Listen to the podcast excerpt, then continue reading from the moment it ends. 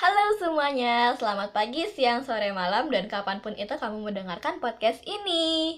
Kembali lagi dengan aku di podcast bercerita Di mana kita bisa bercerita apa pun yang ingin kita ceritakan Baik itu sedih, senang, susah, atau sebagainya Dan kamu tidak akan pernah merasa sendirian Karena di sini selalu ada kita yang akan mendengarkan cerita kamu. Nah, podcast bercerita. Nih, bercerita nih, kita lingkarin ya kata berceritanya. Di kata bercerita itu adalah sebuah kebutuhan wajib bagi setiap manusia. Setidaknya itu menurut aku ya. Karena kan hakikatnya manusia itu kan adalah makhluk sosial nih. Jadi kita nggak pernah uh, bisa hidup sendirian dan kita membutuhkan orang lain untuk hidup bersama-sama dengan kita. Jadi seindividualisnya manusia dia tetaplah makhluk sosial dan membutuhkan orang lain untuk saling uh, membantu dalam kehidupannya masing-masing. Nah di sini bercerita itu adalah kebutuhan setiap manusia, di mana mungkin salah satu tujuannya adalah untuk melepaskan unek-unek yang ada di dalam kepala yang udah mumet, yang udah penuh dan kita kayak bingung mau gimana lagi. Itu dengan perlahan kita keluarkan dari cerita-cerita kita kepada orang-orang yang kita percaya. Jadi si pencerita ini akan menceritakan uh, permasalahannya kepada orang yang dia percaya atau setidaknya kepada orang yang tepat untuk segmen ceritanya tersebut. Misalnya nih dia cerita tentang permasalahan di kampus, maka dia akan menceritakan bercerita kepada teman-teman yang mungkin punya permasalahan yang sama namun permasalahan tersebut bisa diatasi dan sebagainya tergantung bagaimana keyakinan hati si pencerita untuk bercerita kepada orang-orang yang dianggapnya tepat. Jadi di sini ada dua pihak nih, ada pihak pencerita dan ada pihak yang pendengar.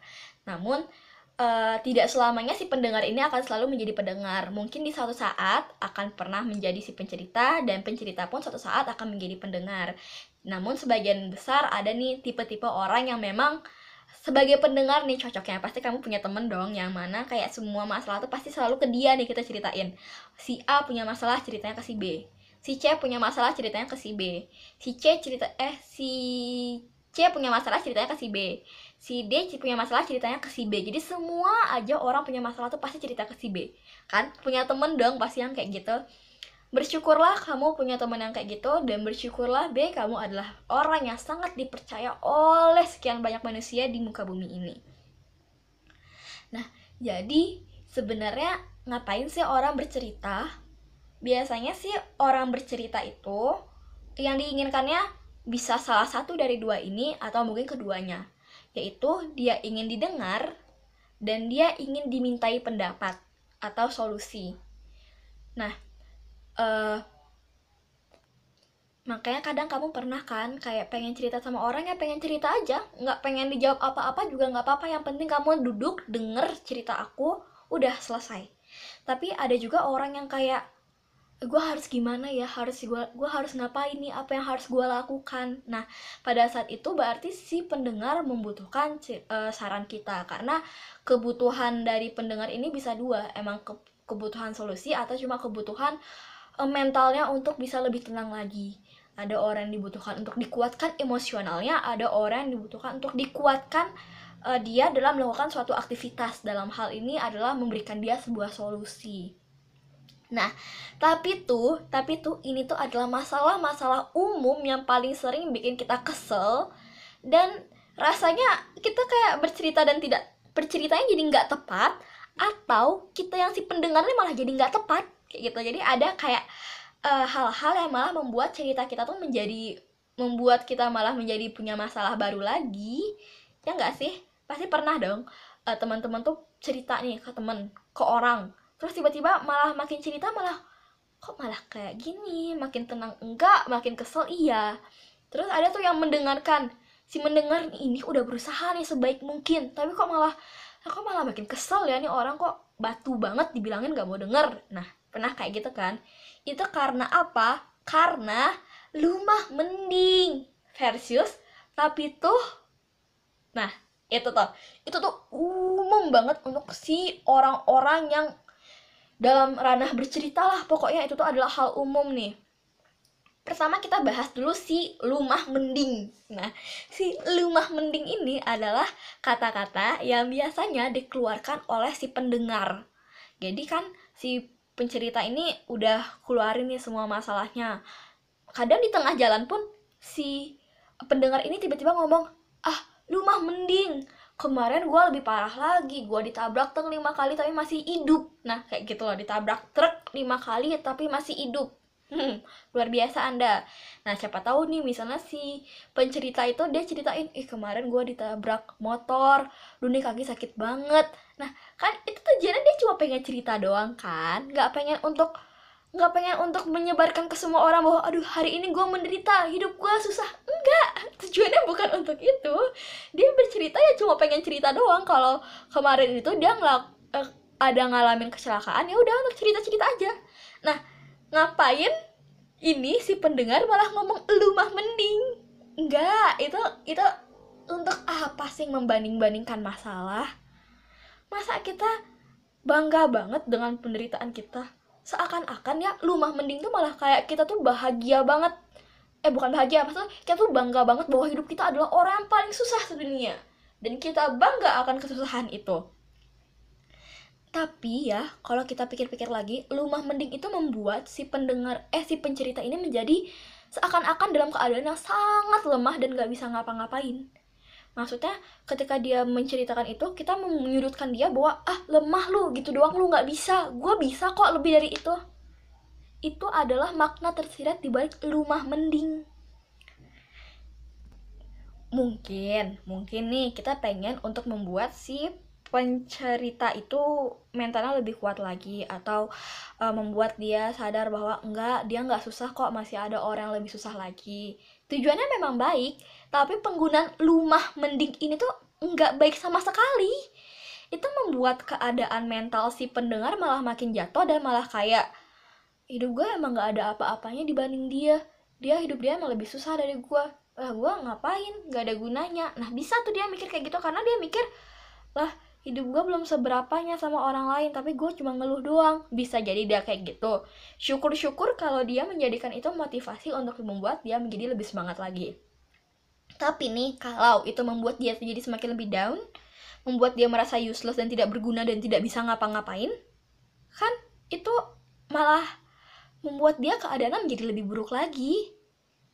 Itu malah bikin dia semakin tidak tenang dan bahkan kesal. Maksudnya dia ingin bercerita untuk membuat tenang nih. Tapi ketika di lumah mending itu dia malah kayak apa sih orang tujuan gue buat cerita doang? Gitu loh. Jadi ketika kita bercerita eh, mendengarkan cerita orang usahain untuk jangan sesering itu menggunakan lumah mending. Kalau ingin menjelaskannya gunakan cara untuk ingin menjelaskan bahwa uh, ada orang yang lebih susah lagi dibanding dia gunakan cara lain selain lumah mending. Misalnya kayak lu menjadikan diri lu ada orang ketiga. Misalnya kayak kemarin tuh ada si A cerita ke gua uh, bahwa kemarin dia gini gini gini gini tapi dia bisa kok ngejalanin. Dia bisa lu pasti lebih bisa. Karena gua yakin lu adalah bla bla bla bla bla. Kasih dia semangat moral. Walaupun tujuannya sebenarnya di sana tuh ada membandingkan kan? Ada perbandingan bahwa kehidupan si A kayak gini nih. Kehidupan temen lu yang bercerita kayak gini nih gitu loh. Lu niatnya membandingkan tapi itu nggak akan membuat dia makin kesel karena lu tidak menggunakan lumah mending dan temen-temennya itu. Itu tuh keselnya luar biasa astaga oke sip. Itu dari sisi si pendengar. Nih sisi pencerita nih. Ini tuh bener-bener bener-bener bikin kesel kadang. Karena kayak membuat si pendengar itu jadi bingung. Nah gue harus ngapain lagi nih? Kok kayaknya gue selalu salah di mata dia. Yaitu adalah ketika si pencerita ngomong tapi tuh di setiap apa pun uh, solusi yang diberikan oleh si pendengar. Nih misal pendengar bilang ya lu tuh nggak boleh tidur malam. Uh, lu tuh harus uh, kurang-kurangin tuh begadang. Karena kalau begadang kan lu telat bangun. Kalau telat bangun yang telat ke kampus. Nah ini nih jawaban si pendengar eh si pencerita. Tapi tuh kan gue banyak uh, kegiatan. Gue akan ini gue akan ini gue akan ini. Nah terus si uh, pendengar ngomong lagi iya kurangin aja kegiatan lu coba atur skala prioritasnya mana yang lebih penting. Terus nih si pencerita ngomong iya tapi tuh semuanya penting buat gua. Nah nah terus si pendengar mau apain lagi? Mau bilang apa lagi? Paling si pendengar cuma ya udah terserah lu mau gimana. Nah si pencerita lagi nih ya tapi tuh gua nggak tahu harus gimana. Hmm, tuh nih ya si pendengar itu udah berkali-kali bilang solusi-solusi nih buat lu. Tapi elunya yang nolak kayak gitu loh. Itu kan sering banget terjadi nih di kita maupun teman kita lah teman terdekat kita. Kadang kalau kita kasih solusi itu sering banget kayak gitu. Dan kita kayak kesel lah. Buat apa dia nanya solusi ke kita tapi setiap solusi kita itu nggak didengarkan.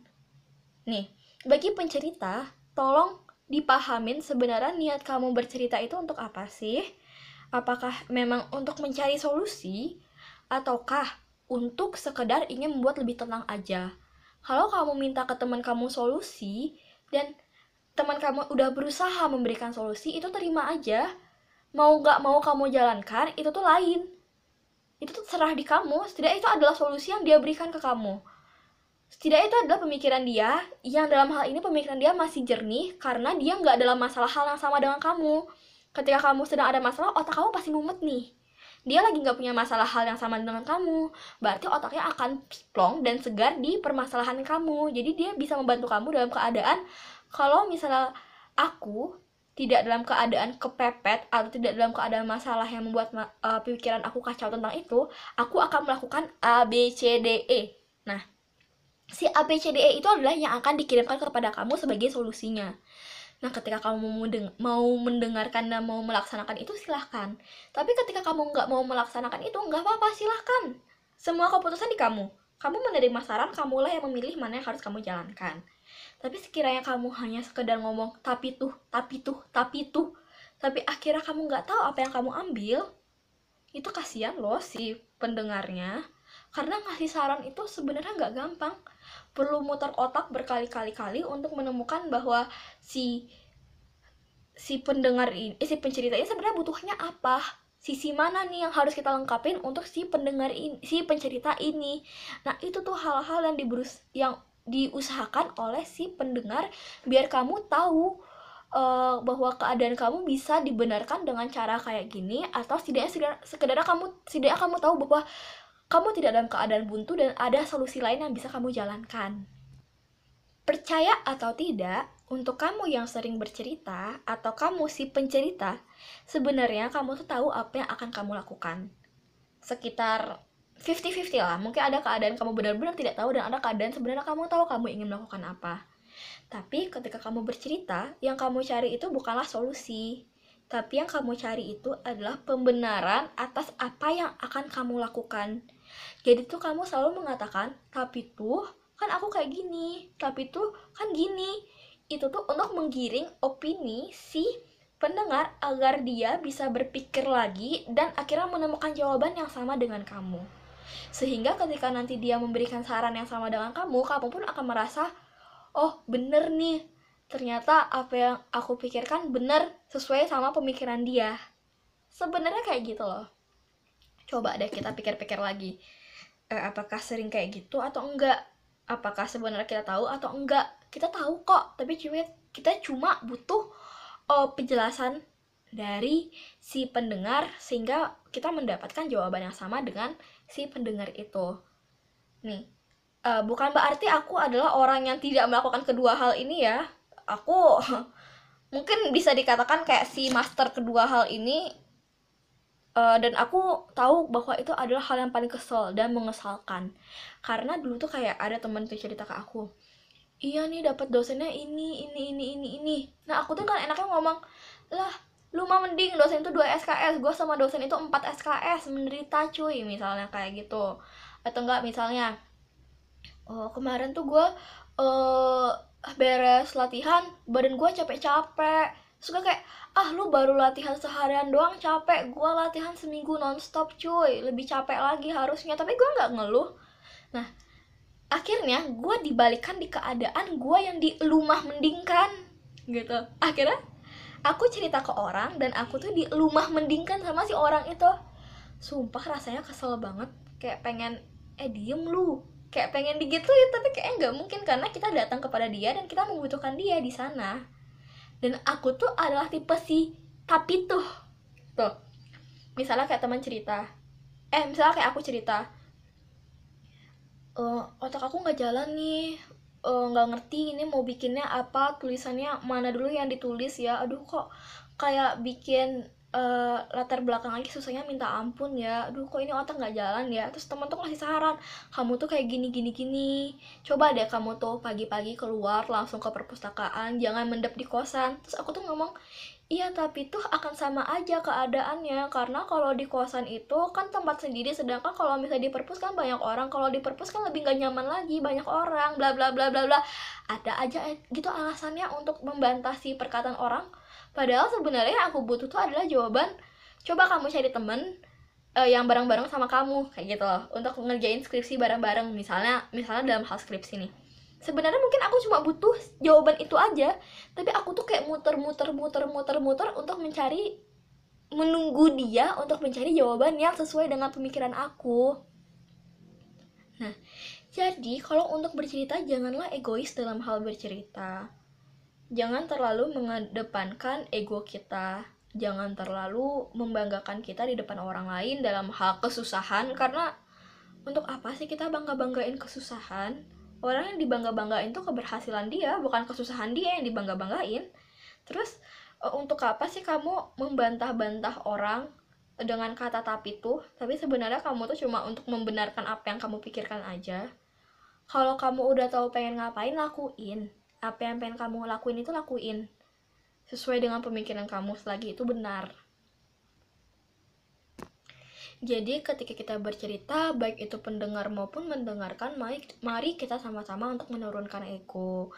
Jangan terlalu uh, mengedepankan diri sendiri karena sebagai pendengar kita mendengarkan dan membutuhkan eh membutuhkan maksudnya kita mendengarkan cerita orang-orang yang membutuhkan dalam hal ini si pencerita itu dan sebagai pencerita kamu juga jangan terlalu mengegokan dirimu dalam hal bahwa hidup kamu yang paling susah karena banyak lagi keadaan yang lebih susah dibanding kamu. Tapi mungkin ingat di sini bahwa kadar orang itu beda-beda. Kadar kesusahan orang itu beda-beda dan kadar uh, kemampuan dia dalam penyelesaian masalah itu beda-beda. Misalnya aku, aku merasa bahwa uh, datang ke tempat rame itu adalah suatu masalah besar buat aku. Sedangkan temen aku bilang malah datang ke tempat rame itu biasa aja kok, nggak apa-apa. Awkward tuh biasa aja awkward moment tuh biasa aja itu bukan permasalahan besar. Tapi aku merasakan bahwa awkward moment tuh adalah permasalahan besar. Nah sedangkan di sisi lain teman aku tuh kayak ih ngapain sih ke sana? Kan sepi. Ih ngapain sepi? Kayak ngebego sendirian nah dia ngerasa ngebego sendirian itu adalah permasalahan besar sedangkan menurut aku ngebego sendirian itu bukan permasalahan sama sekali. Nah gitu. Jadi jangan terlalu mengedebat, ngedepankan ego masing-masing Karena kita nggak tahu nih kadar orang dalam penyelesaian masalahnya gimana Dan tolong jangan membuat seseorang itu menjadi lebih down lagi ketika dia bercerita. Apalagi ceritain masalahnya karena ketika kita cerita masalah itu seakan-akan keadaan kita adalah yang paling bawah kita merasa nggak bisa lagi ngapa-ngapain dan keadaan kita paling bawah. Ketika kita mendapatkan eh, kata-kata uh, yang menekan itu itu membuat kita merasa kita nggak ada apa-apanya nih.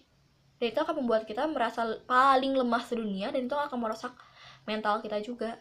Bersyukur kalau itu akan memacu kita untuk menjadi lebih baik lagi ke depannya. Kalau tidak kan akan lebih parah lagi.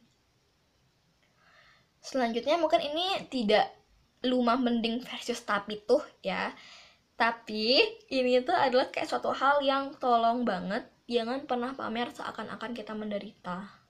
Gitu loh. Kan kadang pernah dong dengar ada teman cerita uh, misalnya nih pas lebaran THR dia kayak ngomel-ngomel ih kesel banget kemarin THR cuma dapat satu juta satu juta cuy THR dan dia masih kesel. Itu kan duitnya luar biasa. Nah bayangin tuh si pendengar yang dapat THR cuma 300 ribu.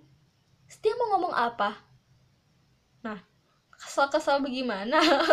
Anda memamerkan kekesalan tapi seakan-akan itu uh, berniat untuk meninggikan tapi secara seakan-akan kamu menderita. Itu jangan itu jangan jangan pernah. Apalagi dengan kata-kata mulut mulut gua bebas gua dong mau ngomong apa memang itu mulut mulut kamu. Emang ini mulut mulut aku. Tapi ketika berbicara itu kita punya batasannya. Kita nggak bisa berbicara seenaknya sehingga kita bisa membuat perasaan orang lain menjadi sakit. Ini orang nggak bersalah. Ini orang nggak ada apa-apanya nggak ada sangkut paut sama kita. Tapi gara-gara perkataan kita yang seakan-akan pamer dengan penderitaan itu itu malah membuat dia sakit padahal dia nggak ada masalah apa-apa dengan kita dia nggak ada kaitannya sama cerita kita tapi dengan pamernya kita dan seakan-akan kita tuh menderita itu tuh membuat dia merasa lebih tidak nyaman lagi dengan kita.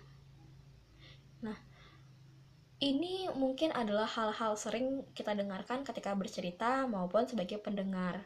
Ini bukan berarti bahwa aku tidak pernah menjadi lumah mending si tapito tapi aku tuh juga adalah bahagian dari lumah mending dan tapito tapi akhirnya aku sadar bahwa kedua itu bukanlah suatu hal yang baik dan itu bahkan bisa membuat perpecahan pertemanan kita. Pertemanan pertemanan itu adalah suatu hal yang harus kita jaga. Dan jangan pernah merusak itu dengan lumah mending dan tapi tuh. Tapi ayo sama-sama kita membuat itu menjadi lebih erat dengan saling merangkul dan menurun, menurunkan ego kita masing-masing. Jadi kita nggak akan pernah ada dendam-dendam di belakang dan nggak akan pernah ngomong-ngomongin teman kita yang lain karena kadang lumah mending dan tapito itu membuat kita saling bergibah satu sama lain.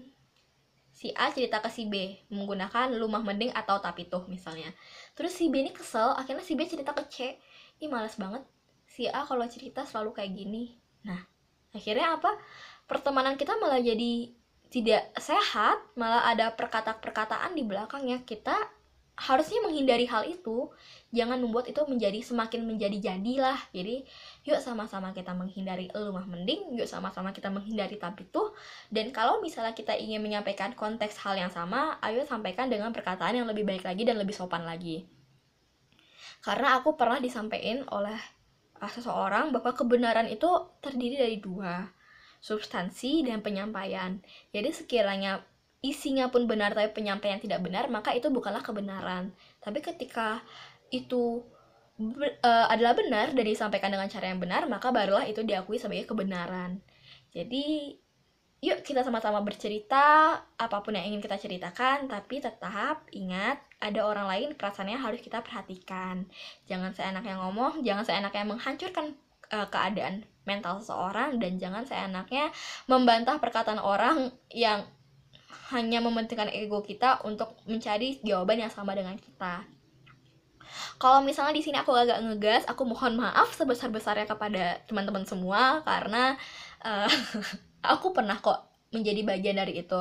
Dan bukan berarti sekarang aku tidak benar-benar terlepas nih dari dua ini, enggak. Aku pun kadang masih ke bawah ke bawah ke sana tapi ayo sama-sama kita mengurangi itu biar uh, kita jadi lebih tenang dan pertemanan kita pun jadi lebih bahagia gitu lah jadi jangan pernah merasa sendiri dan jangan pernah takut untuk bercerita karena kita semua akan selalu mendengarkan cerita kamu apa pun yang terjadi. Kita akan selalu ada untuk kamu dan kita nggak akan pernah ninggalin kamu sendirian. Dadah!